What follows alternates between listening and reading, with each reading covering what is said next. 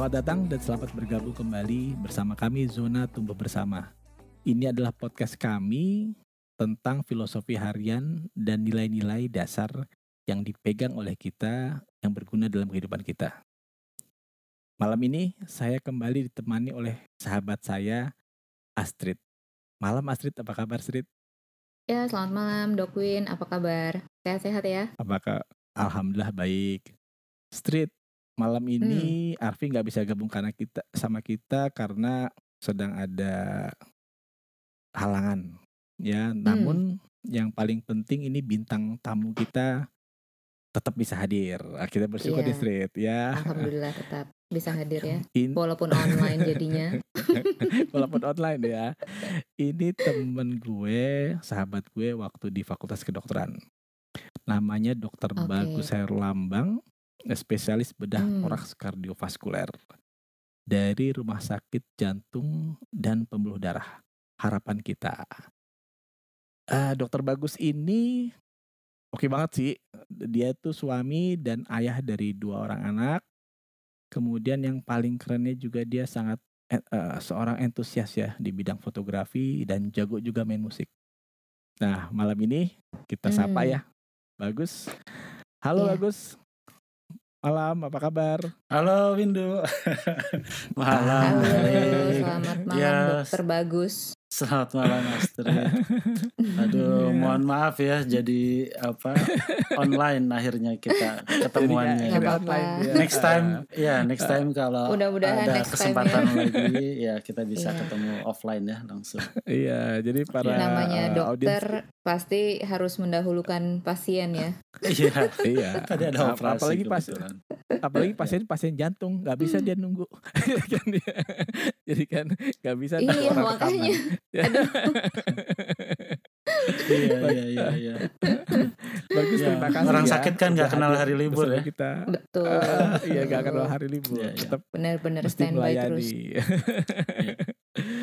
Gus jadi eh, malam ini kita bincang-bincang santai Eh, kita berharap pendengar kita bisa mendengar cerita lo dan filosofi tentang khususnya di bedah jantung ya kan pertanyaan biografi sedikit itu bisa tolong lo ceritain perjalanan lo untuk menjadi dokter spesialis bedah jantung karena ini kan profesi yang di Indonesia masih jarang ya ya bisa dibagi sedikit sama kita nih Gus Ya, oke. Makasih Windu. Eh jadi eh, dulu Windu ini kan satu eh, alma mater. Saya sama Windu ini satu alma mater gitu. Jadi Hmm. eh, di FK Undip terus begitu habis lulus eh kita semua eh, apa mm, mengambil spesialisasi di bidang masing-masing begitu ya. Terus eh waktu mau sekolah sih sebenarnya dulu gue tertarik ke kardiologi sebenarnya. Jadi awalnya bukan mau jadi dokter bedah jantung gitu ya. Nah, Hmm. tapi eh dalam perjalanannya sekolah spesialis itu kan nggak murah ya dan waktu itu eh Mm-mm. gue nggak punya duit jujur gitu aja sih sebetulnya. oke Jadi, oke ah, Eh, akhirnya cari-carilah beasiswa gitu. oke lo cari beasiswa ya ke mana tuh Iya cari beasiswa. Mm-mm. Mm-mm. Terus eh ada kakak kelas Windu juga mungkin masih inget ya Mas Iya. Mas Tohar itu yang udah duluan sekolah di Jepang. Terus Oke. eh dapat info dari Dokter Tohar ini. Nah bahwa ada beasiswa buat eh, sekolah ke Jepang. Yang ada kesempatan buat ambil spesialisasi juga. Hmm. Nah, waktu gue sampaikan eh apa namanya niat mau ambil kardiologi atau spesialisasi jantung, dia sarankan eh ambil bedah jantung aja begitu karena untuk spesialisasi di Jepang ya itu lebih eh, besar kesempatannya buat hands on kalau eh, bidang-bidang yang pegang pisau gitu, dibanding yang Hmm. bidang-bidang yang tidak pegang pisau. Maksudnya bidang-bidang Hmm. bedah itu lebih mudah untuk eh, hands on belajar eh, spesialisasi di sana dibanding yang eh, bidang-bidang yang tidak uh, pegang pisau atau yang bukan bedah gitu. Ya Hmm. udah akhirnya uh, masuklah gue sekolah di bidang uh, bedah jantung. Gitu. Hmm. Nah, uh, memang prosesnya tidak mudah ya. Jadi Yeah. uh, sebetulnya beasiswa yang ada adalah untuk uh, sekolah S3 gitu. Jadi di Yeah. di dunia ini memang semua beasiswa itu uh, umumnya adalah untuk sekolah uh, untuk jenjang akademik ya S3 bukan spesialisasi. Cuma uh, ketika sampai di sana ya uh, maka kita bisa juga apply untuk ambil spesialisasi. Dan ini Hmm. uh, gue cukup beruntung karena uh, profesor pembimbing gue ya dokter uh, bedah jantung di sana itu uh, mensupport gue selain untuk uh, belajar S3 juga untuk sekalian spesialisasi. Dia cuma Hmm, kasih syarat pertama uh, penelitian gue harus beres dulu, harus cepat Hmm. uh, selesai. Karena kan tujuan utama datang ke sana dengan dibiayai beasiswa itu adalah untuk uh, jadi doktor begitu kan, untuk untuk Iya. S3, untuk PhD. Maka kalau itu sampai gagal, ya maka ya bubar semua gitu kan, nggak tercapai uh, tujuan utamanya. Terus uh, alhamdulillah Oke. itu penelitian dan uh, paper buat disertasi bisa selesai dalam uh, apa satu tahun pertama. Maka di tahun kedua uh, profesor pembimbing gue udah ngizinin untuk oke kamu segera urus uh, aplikasi untuk masuk uh, spesialisasi. Nah jadi Hmm. uh, alhamdulillah ketika pulang ya setelah sekolah lima tahun di sana gue bisa dapat uh, PhD sekaligus Mhm. juga spesialisasinya gitu. Wow. Nah, Bang. Ini juga ini belum selesai nih. ini belum selesai. Iya. Wow. Gitu. Karena uh, lanjut lanjut silakan. ketika uh, lulus spesialis dari luar negeri itu kan uh, pas pulang ke Oh Indonesia iya. itu Hmm. harus uh, menjalani yang disebut adaptasi dokter uh, spesialis lulusan luar negeri gitu ya. Jadi Iya. setelah pulang gue tempuh lagi adaptasi uh, dokter spesialis lulusan luar negeri di FKUI ya di Hmm. Mhm. uh, apa departemen bedah khususnya divisi bedah toraks kardiovaskuler uh, KUI. Hmm. Nah itu ditempuh dalam uh, waktu satu tahun, terus barulah gue bisa uh, apa berpraktek di Indonesia sebagai dokter spesialis bedah jantung ya bedah lengkapnya adalah bedah toraks kardiak dan gitu perjalanannya agak panjang ya. Aduh, panjang. ya. Iya. Ini Amazing perjalanan bener-bener. panjang yang di Salut saya. yang dibikin Terus, terus eh, Iya, dokter iya. bagus, kenapa Mhm. nih? Kenapa milihnya bedah jantung bukan bedah yang lain gitu? Iya, eh sebenarnya sih pertama tadi ya eh waktu kuliah gue tuh udah udah udah suka udah tertarik dengan eh, bidang eh, jantung begitu ya. Waktu Oke. belajar eh, nggak tahu suka aja gitu ya. Eh, ya mungkin karena di keluarga gue banyak yang eh, sakit kardiovaskuler gitu loh yang dari kakek ya terus eh, orang tua kemudian paman-paman Pak D itu banyak yang eh, merupakan pasien-pasien jantung dan pembuluh darah gitu. di samping itu pas lagi Sama kuliah berarti. Heeh. ya memang eh, apa namanya banyak sih ya di masyarakat penyakit-penyakit ini terus eh, pas lagi kuliah juga merasa enjoy aja gitu waktu belajar anatomi kemudian fisiologi jantung sampai eh, waktu di penyakit dalam juga senang banget belajar EKG gitu kan terus eh, akhirnya sekarang kebetulan menekuni bidang yang memang eh, gue sukai gitu nah itu kan Keren. awalnya kardiologi ya jantung nah begitu Hmm. ternyata di Jepang kesempatannya lebih besar ambil bedah eh gue jadi terbuka dan juga eh, apa sekarang jadi melihat bahwa oh ternyata memang uh, di Indonesia masih banyak dibutuhkan gitu karena ahlinya juga masih sedikit. Hmm. Jadi, Ya. mungkin akan lebih bermanfaat kalau uh, waktu itu gue belajar bedah jantung memang. Ya. Ya, Ya. karena masih Ini banyak keren dibutuhkan. banget nih Gung Hmm. ceritanya Gus antara perjuangan, kegigihan sama passion ya tadi lu disebutin bahwa dari awal lu Mm-mm. udah senang sama anatomi, kemudian sama EKG dan berhubungan sama kardiovaskular itu selain tadi ada background.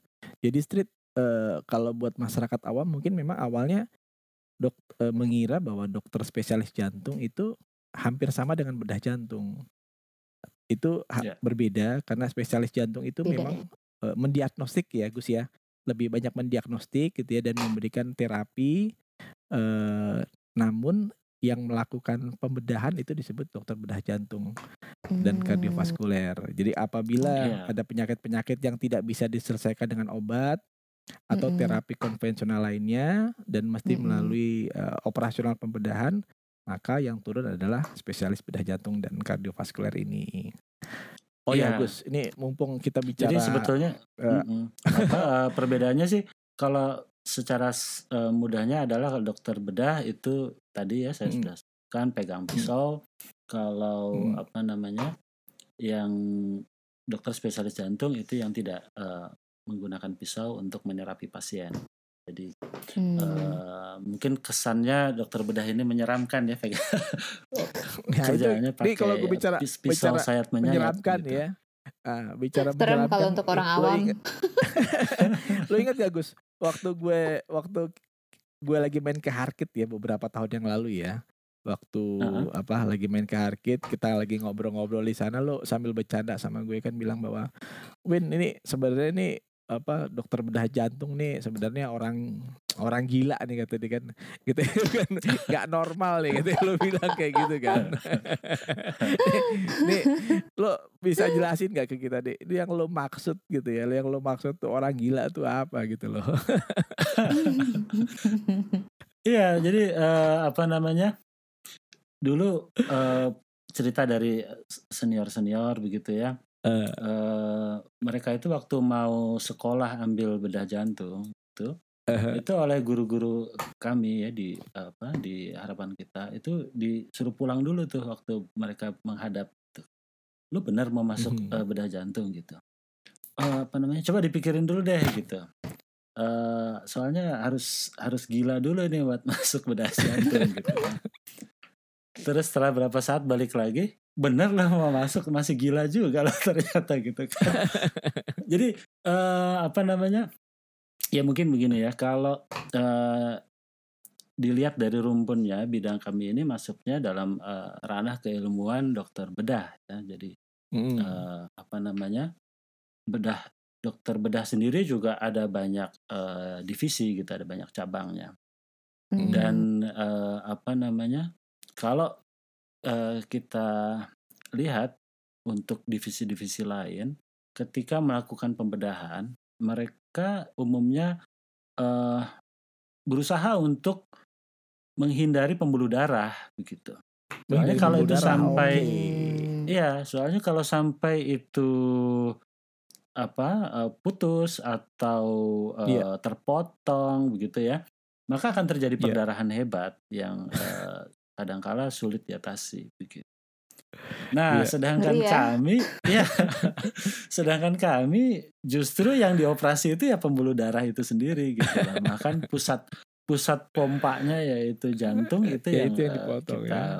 eh, sayat yang kami eh, apa eh, lakukan pembedahan ya kami buka kami potong kemudian kita Hmm. jahit kembali begitu jadi eh kalau orang lain apa bidang lain itu berusaha menghindari pembuluh darah supaya jangan terjadi perdarahan kalau kami justru itu yang kami cari gitu itu yang kami gitu ya jadi buka ini jadi eh, orang gila nih emang ini yang, iya yang mengerjakan ini profesi ini gitu Iya, ke- kegilaan yang Gitu kali. terstruktur ini ya gitu ya. Memang karena memang itulah Iya, jalannya. iya, iya. Memang memang harus dicari di sana ya.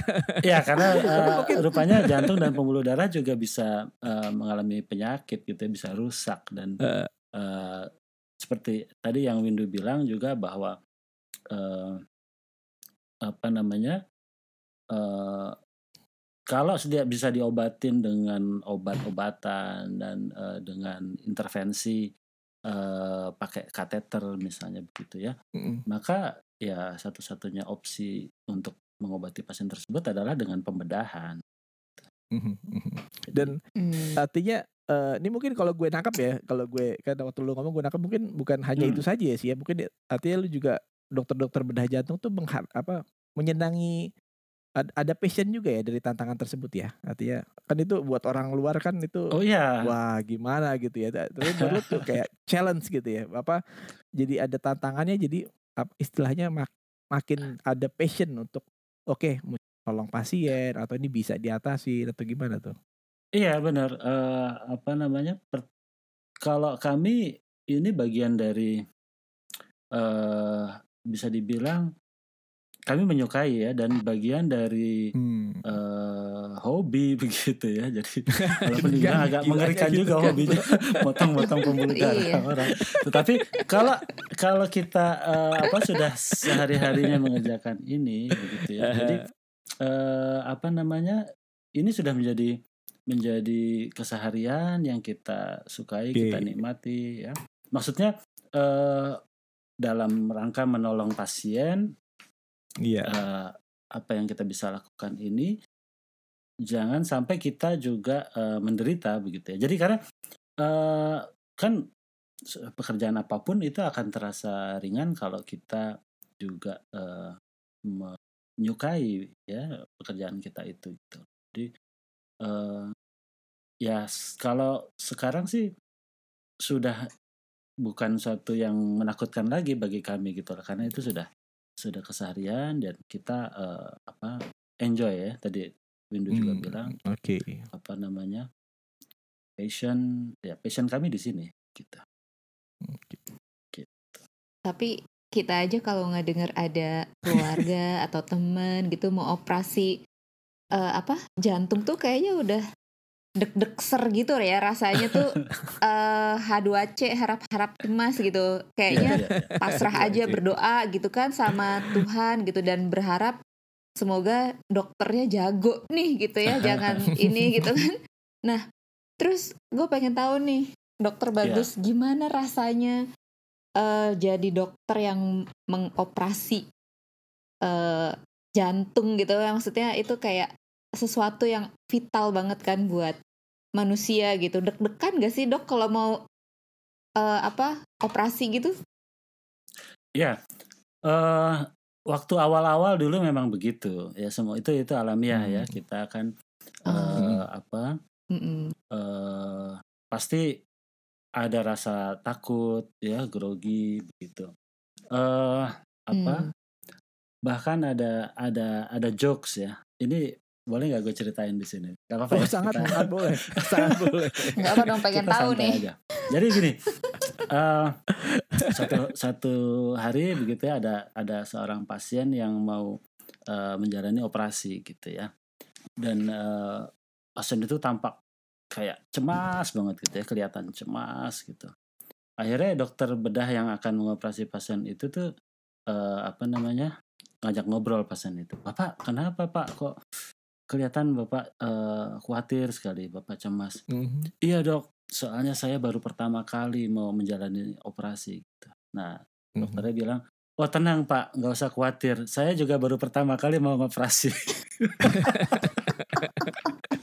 aduh Itu pasiennya, pasiennya kira-kira jadi makin tenang atau makin khawatir gitu ya.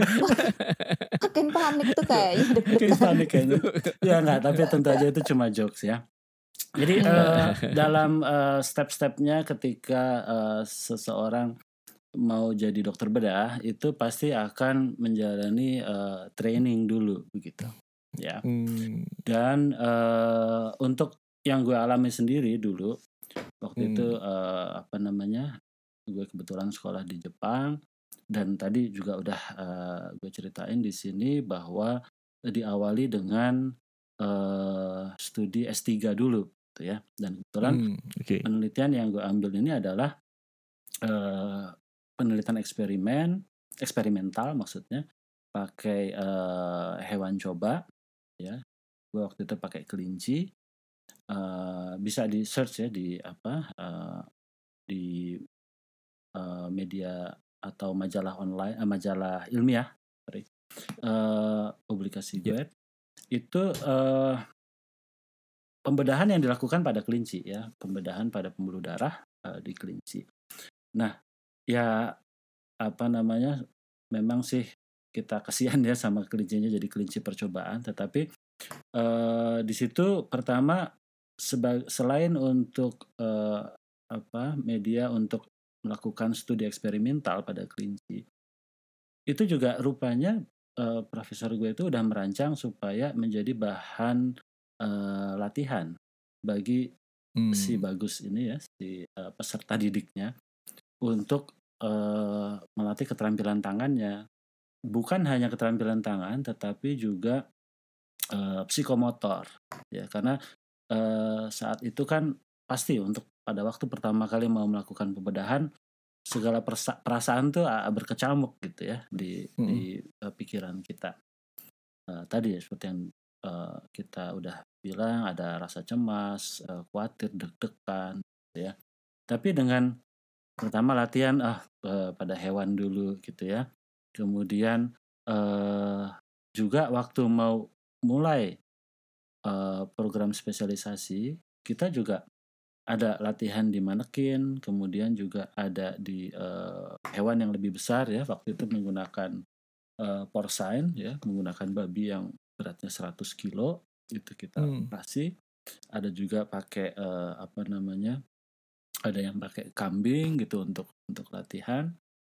Uh, sebelum akhirnya baru diizinkan melakukan operasi di manusia gitu ya. Hmm. Dan pada saat pertama kali melakukan operasi pada manusia pun juga pasti di bawah bimbingan uh, guru-guru kami begitu ya. Jadi uh, semuanya ada stepsnya gitu sehingga hmm. ketika uh, sudah dinyatakan aman untuk melakukan operasi uh, mandiri ya uh, di situlah baru akan dikeluarkan uh, license atau izin untuk uh, berpraktek sebagai dokter spesialis bedah. Gitu. Hmm. Jadi enggak uh, enggak instan betul ya. Jadi kalau kalau baru iya, pertama kali pasti tadi bener deg-degan, cemas, khawatir, gemeteran gitu.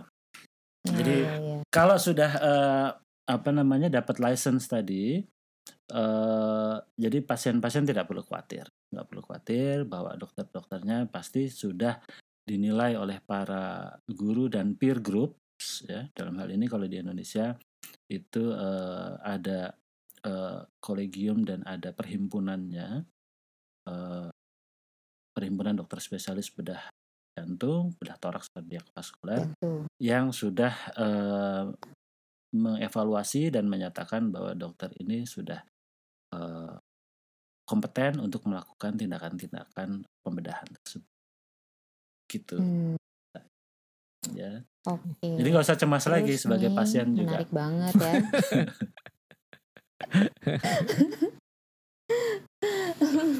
jadi Terus yang tadi itu cuma jokes uh, aja ya cuma jokes aja gitu iya iya iya Terus dokter hmm. bagus Iya. Uh, selama uh, menjalankan operasi gitu ya bedah jantung itu tantangan terbesar tuh biasanya apa sih dok? yang eh, dihadapin? Uh, iya, tantangan terbesar apa ya?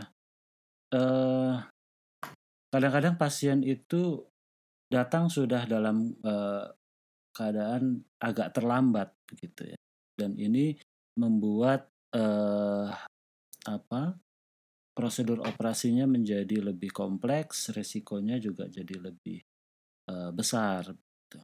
Jadi, hmm. uh, tetapi ya kita kan nggak bisa apa namanya mengharapkan atau kita tidak bisa memutar balik waktu gitu kan dia yeah. sudah datang dengan hmm. kondisi yang uh, penyakitnya sudah advance ya sudah sudah terjadi komplikasi di mana-mana jadi uh, di situ biasanya yang sangat uh, challenging operasinya jadi uh, apa mungkin itu ya tantangan terbesar dan tantangan terbesar lainnya barangkali adalah ketika uh, kita sebenarnya tahu bagaimana uh, terapi untuk pasien itu ya secara pembedahan tetapi uh, kadang-kala kita terbentur di sarana prasarana dan uh, hmm. biaya yang yang masih cukup uh, berat ya bagi uh, bagi kita, hmm. bagi pasien-pasien kita maupun uh, apa asuransi kesehatan yang yang kita punya. Yeah. Jadi uh, masih banyak sih tantangan-tantangan untuk supaya kita bisa memberikan layanan bedah jantung yang lebih baik gitu, ke depan. Iya. Yeah. Tadi lu sebutkan berarti ada tantangan teknis ya, bicara yeah. komplikasi orang datang terlambat tuh berarti kan teknikal. Kemudian yeah. tapi lo juga sebut ada di luar itu ada non teknis juga nih ya kaitan sama biaya tarik kaitan sama perlengkapan tuh masuk ke teknikal juga ya. Itu yang bikin ya, betul, betul. Uh, seorang dokter tuh memang per perlu perlu bisa mensiasati kondisi ya. Namun yang kita tertarik juga itu mental set mental set. Gimana cara lo meyakinkan diri lo gitu ya pada saat mau operasi nih dan operasi ini ya operasi bedah jantung pasti operasi besar gitu ya. Resiko yeah. tinggi. Bagaimana lu bisa meyakinkan diri lu bahwa ini akan jadi operasi yang bag apa yang clean yang sukses walaupun gitu ya walaupun secara profesional emang sudah terlatih secara kompetisi memang sudah teruji tapi apa yang lo lakukan supaya lo fokus begitu? Iya, uh, Mungkin karena gue belajar di Jepang, akhirnya filosofi hmm. dari uh, orang Jepang itu sampai sekarang uh, masih gue bawa begitu. Uh, kita mungkin udah sering dengar istilah gambate gitu ya. Gambate, gambate okay. itu udah banyak ya gambate udah sering kita dengar yang sering kali diterjemahkan sebagai uh, semangat gitu semangat gitu kan. Hmm, yeah.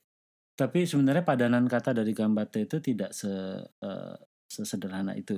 Gitu ya. Gambate itu uh, lebih tepatnya diartikan sebagai uh, do your best effort gitu. Ya, hmm. jadi uh, apa namanya? berjuanglah gitu. Jadi mungkin lebih tepat daripada semangat gitu ya.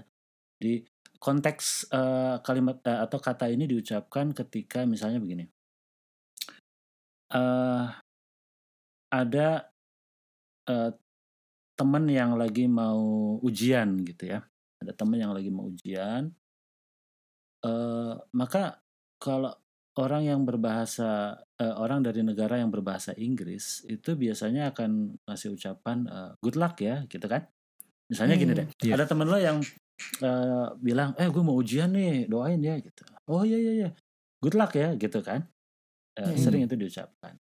Ini filosofinya agak berbeda. Kalau uh, orang Jepang akan ucapkan gambatte, gitu ya, gambatte nih, gitu, atau gambatte kudasai. Itu hmm. uh, apa yang artinya kurang lebih tadi do your best atau uh, berjuanglah, gitu. Maka uh, orang Jepang menganggap bahwa keberhasilan itu hanya bisa dicapai dengan effort gitu loh dengan mm -hmm. uh, perjuangan yang gigih yang uh, yeah. apa namanya boleh dibilang sampai titik darah penghabisan begitu jadi mm -hmm. uh, apa atau contoh lain adalah ketika uh, anak kita lagi lomba lari gitu ya di sekolahnya gitu. maka kalau orang Jepang yang orang tuanya yang berdiri di uh, pinggir stadion apa uh, lari itu akan teriak gambate gambate gitu hmm. menyemangati anaknya tapi bukan sekedar memberi hmm. semangat tapi uh, membakar uh, apa namanya motivasi si anak ini untuk larilah se, uh, atau lakukanlah yang yang terbaik hmm. gitu nah ini juga uh, apa namanya tadi menjawab pertanyaan Windu ketika menghadapi uh, kasus yang kompleks atau mempersiapkan ya semua operasi jantung pasti operasi besar ya maka uh, di dalam uh, benak gue selalu kan gambate gitu ya apalagi kalau pas Hmm. pas di tengah-tengah prosedur ada prosedur yang wah susah banget gitu ya Eh, apa namanya saat itu yang muncul di benak gue gambate ayo bagus lakukan yang terbaik gitu kamu Hmm. bisa. Jadi eh, Hmm. mungkin itu yang memberi eh, yang bikin semangat gue untuk lakukan yang terbaik untuk semua yang terbaik ya. Oke.